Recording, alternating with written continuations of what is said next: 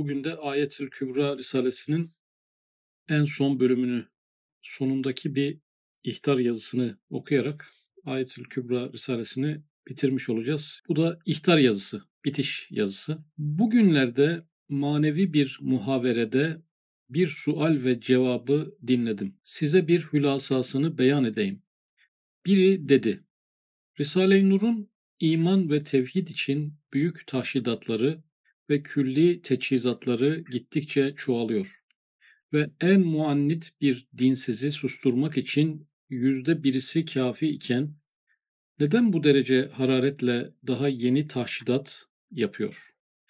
Önce bu ilk paragrafı biraz daha detaylandıralım. Bugünlerde, bugünlerde dediği zannediyorum Ayetül Kübra Risalesinin telifinin veya yazımının veya yazıya aktarımının veya basılmasının sona erdiği günler olabilir.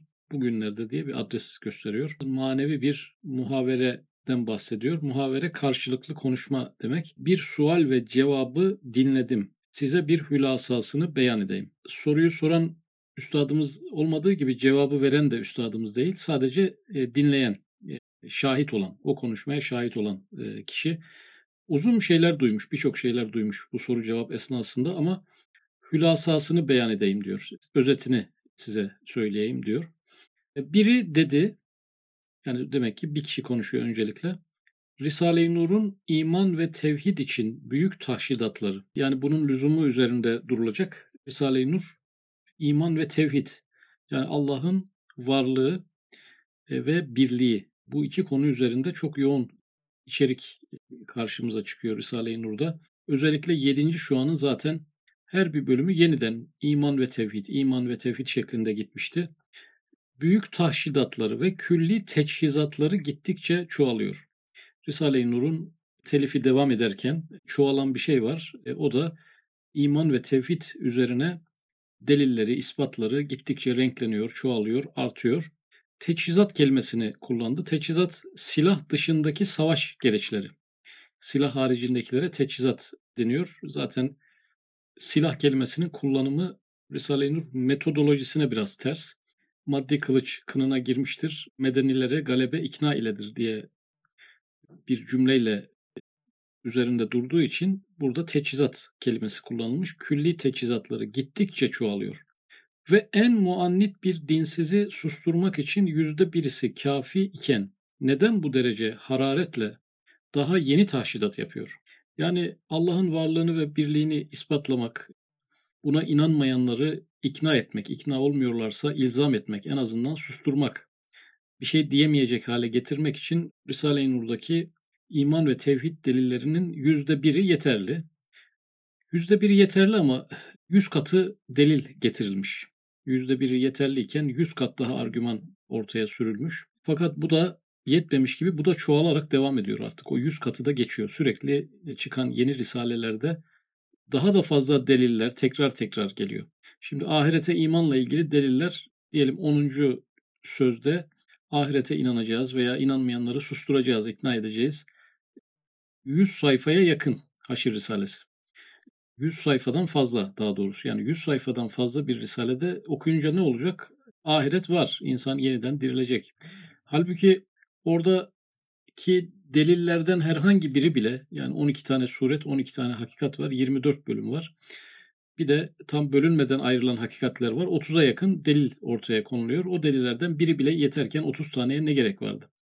Ve Haşir Risalesi gibi böyle 100 sayfaya gerek var mıydı? Bu birkaç sayfada anlatılabilecek bir delil bile yetecekken veya Haşir Risalesiyle de sınırlı kalmamış Risale-i Nur'un muhtelif yerlerinde haşrin ispatı yeniden özellikle 29 sözde adeta bir haşir risalesi kadar tekrar bir argümanlar bol bol öne sürülmüş. Orada da birinci medar, ikinci medar, üçüncü medar tekrar tekrar gelmiş. Eski eserlere gidiyoruz. Yine aynı mevzuyu üstadımız e, tekrar tekrar izah etmiş, ispat etmiş. Bu kadarına gerek var mıydı? Yani soru bu manevi alemde e, böyle bir soru soruyor. Birisi soruyor bunu. Üstada da sormuyor. Bir topluluğa soruyor.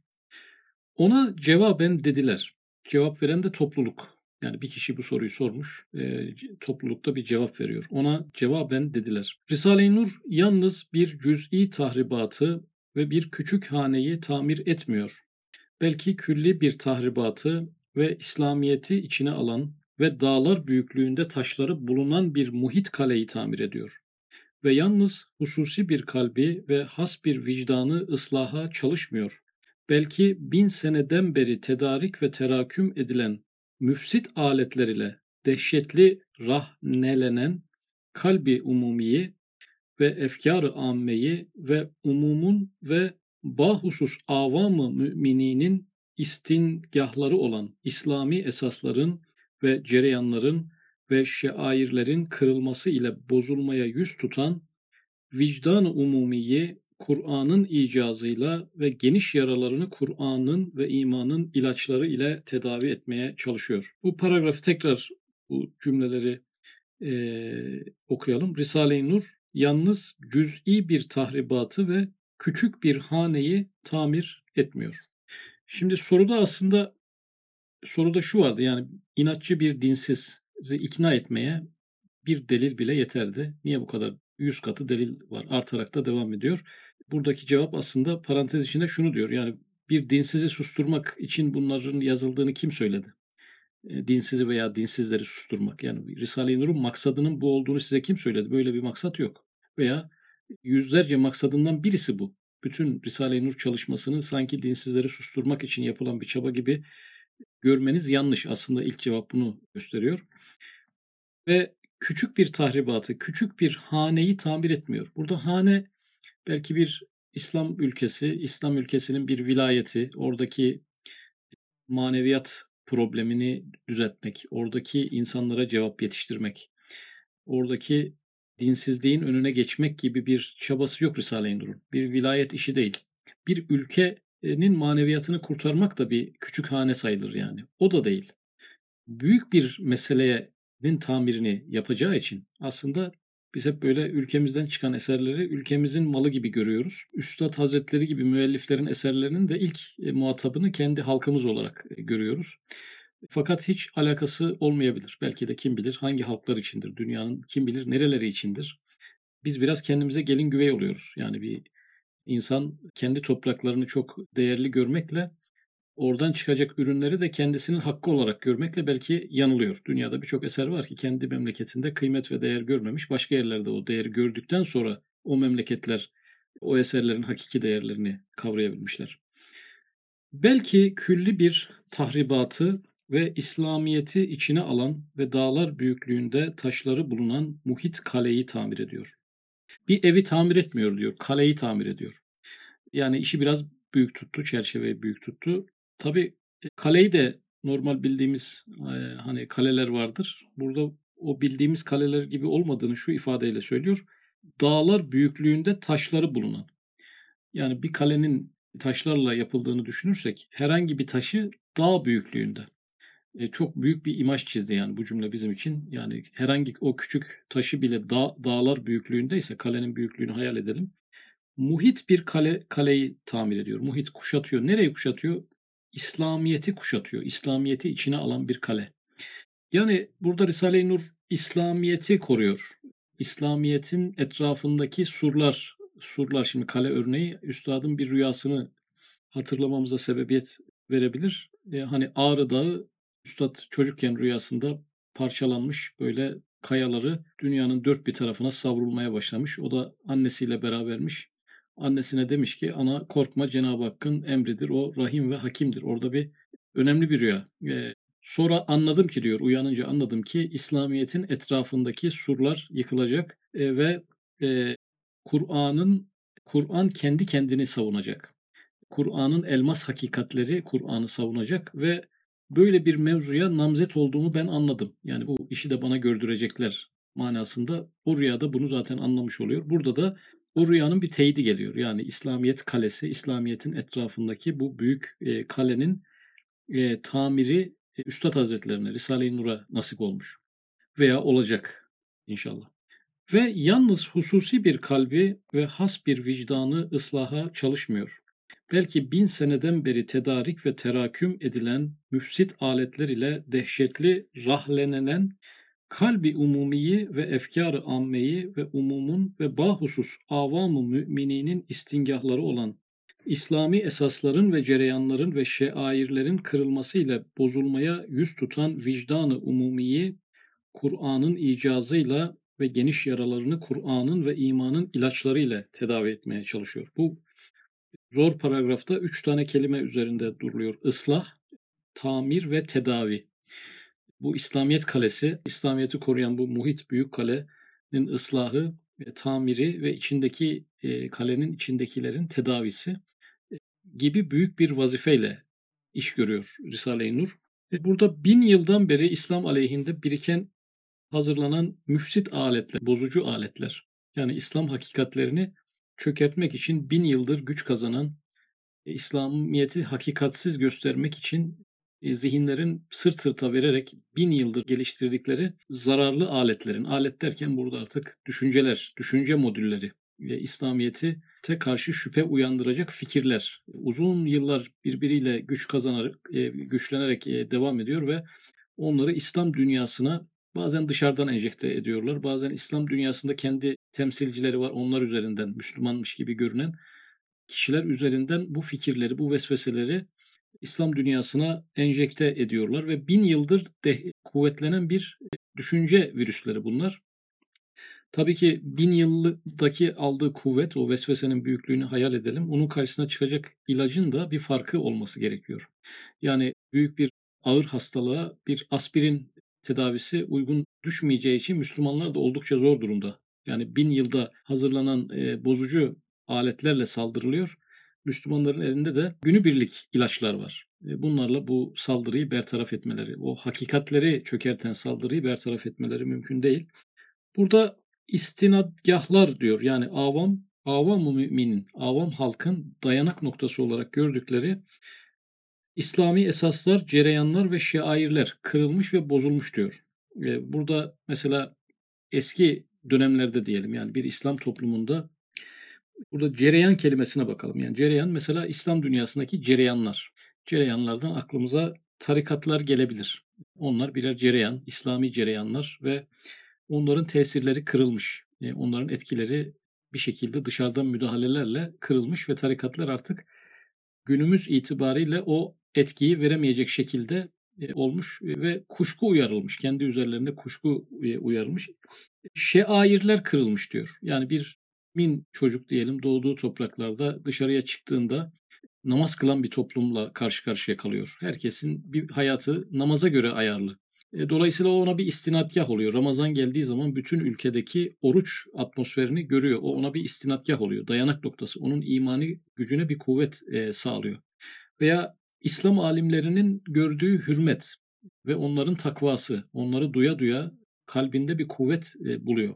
Veya İslamiyete hizmet eden toplulukların safiyeti, arılığı ve duruluğu onun kalbine bir kuvvet veriyor. Böyle şeyleri görerek eğer bir çocuk büyürse o kalbine sürekli imanın hakiki bir şey olduğuna dair bir kuvvetle devam ediyor. Fakat e, bunların kırıldığını söylüyor Üstad Hazretleri. Yani namaz hakikati kırılmış e, durumda. Hiç namaz kılmayan yani çevresinde namaz kılanı olmayan insanlar var İslam topraklarında. Yani çevresinde böyle bir insana rastlamayan kişiler var bu e, vaziyette. Oruç tutmayan e, kişiler var bazı insanların çevresinde hiç oruç tutmayan. Bunları göre göre kendi nefsiyle, kendiyle baş başa kalıyor.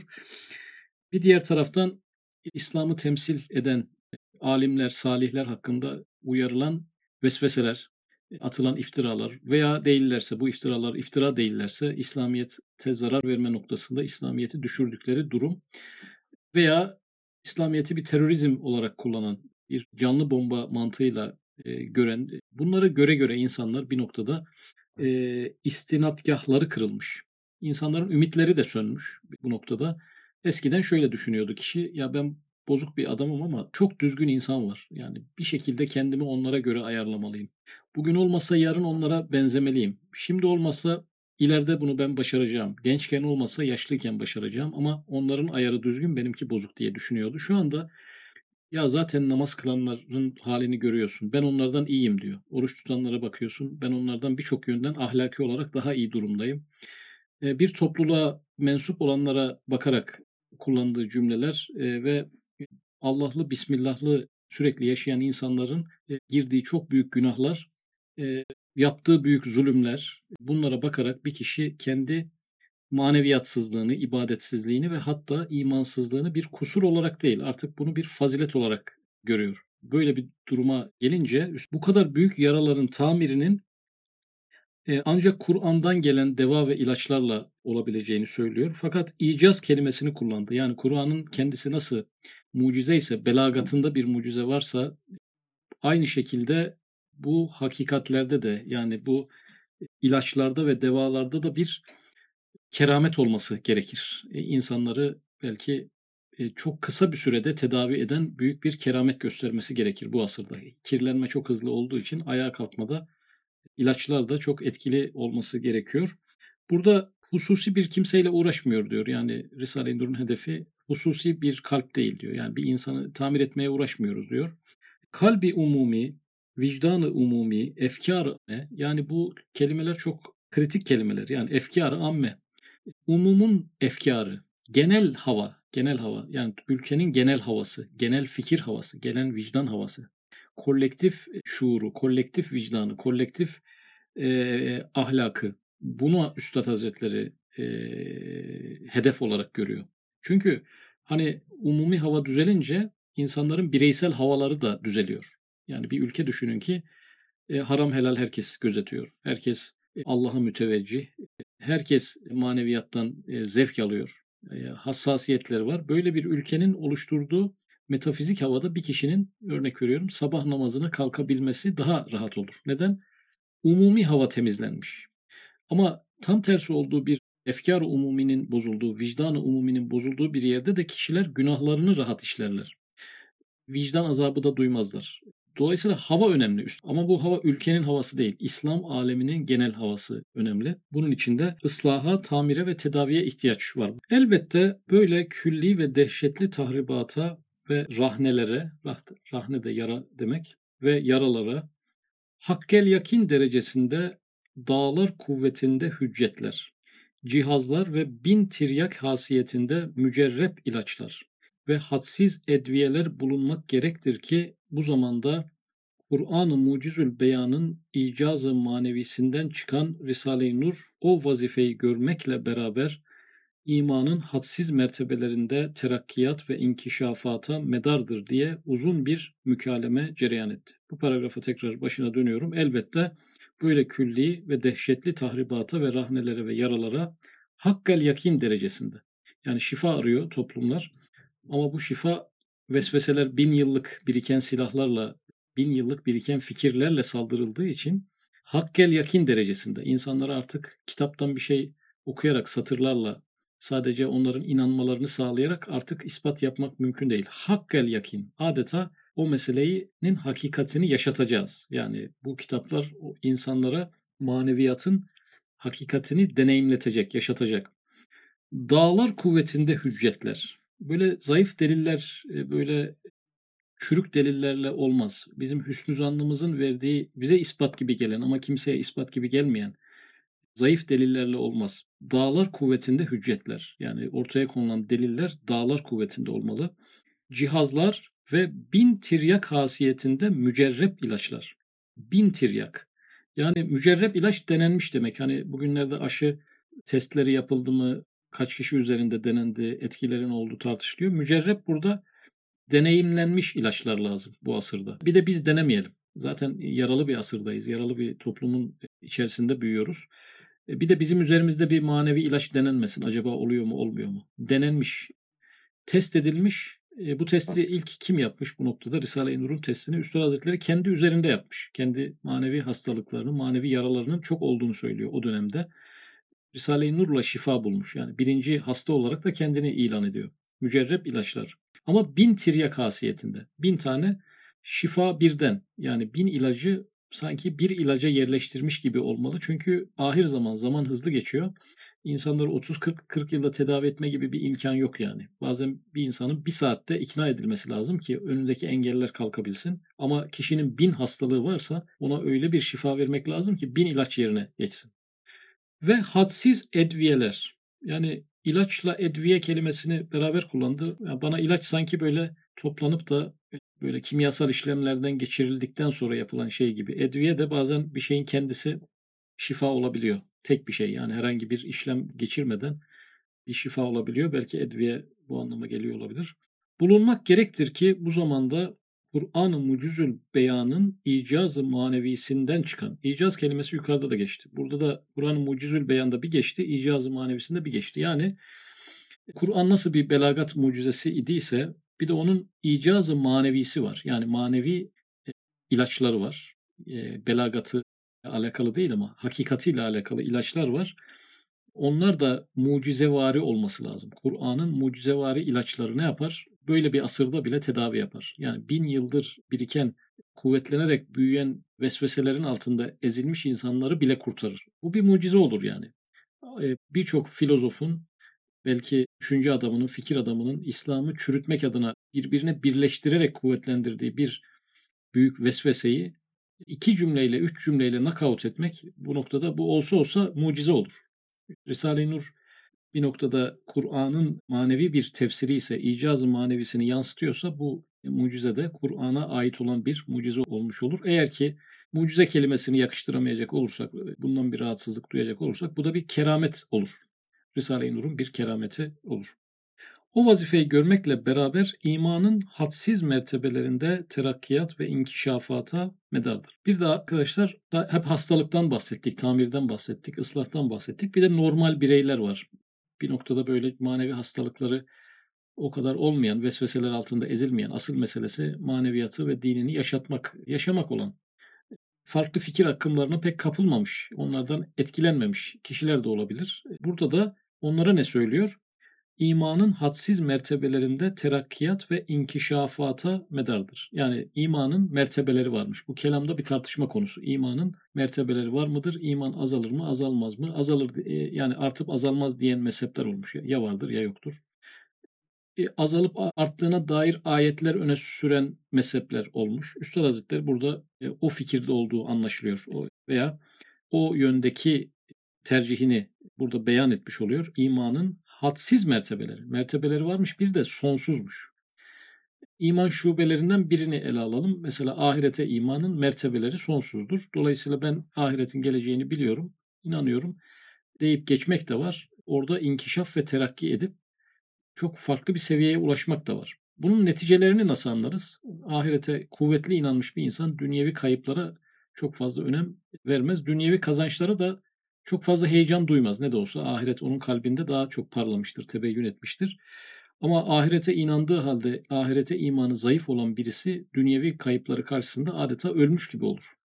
E, veya kader inancını ele alalım. Kadere inanmış olan bir insan, hakiki olarak terakki ederek inanmış olan bir insan başına bir musibet geldiğinde onun kaderle ilişkisini kurduğu anda rahatlar. O kuvvetli iman onu hemen rahatlatır. Kaderde varmış deyip birden rahatlar ama kadere inancı şöyle böyle olan, yarı buçuk olan, tam terakki etmemiş olan bir insan hem kaderin olduğunu bilir. O musibetin kaderden olduğunu da bilmesine rağmen bu onu teskin etmez. Çünkü nasıl bedendeki kaslar kuvvetlenince daha fazla ağırlıklar kaldırıyorsa bu tür iman hakikatleri de ne kadar kuvvetlenmişse o kadar tesir eder. Yani günahtan kaçamamak imandaki bir zayıflığın göstergesidir. Yani günaha girmek kişiyi imansız yapmaz ama günaha karşı koyamamakla imansızlık arasında veya iman zayıflığı arasında ilişkiler kurulabilir. Biri birinin sonucu olabiliyor. Dolayısıyla Risale-i Nur sadece o bin yıldır kendisi için hazırlanan saldırıya değil, iman için, İslam için yapılan saldırıya cevap vermekle kalmıyor. Müminler arasında da imanın terakkiyat ve inkişafatına sebebiyet veriyor. Demek ki tevhid yani soru, en baştaki soruya gelecek olursa iman ve tevhidde niye bu kadar sürekli yeni argümanlar arka arkaya sanki ikna olmamışız gibi halbuki ikna olmuştuk ilk delillerde. Neden tekrar tekrar geldi? Çünkü imanı terakki ettirmek ve inkişaf ettirmek bu sefer söz konusu oluyor. Diye uzun bir mükaleme cereyan etti. Ben de tamamen işittim, hadsiz şükrettim. Üstad Hazretleri de dinlemiş, tamamını işitmiş, tamamını buraya aktarmamış. Hadsiz şükrettim diyor. Seviniyor. Acaba Niye seviniyor? Demek ki bu üstadın da bu konuda bir tereddütü var. Yani kalbine gelen bu ilhamlar arka arkaya yeniden delil, tekrar delil. Aynı konuda bir daha bir daha ya bunlar fazla mı oldu? Üstad da demek ki bunu düşünüyor.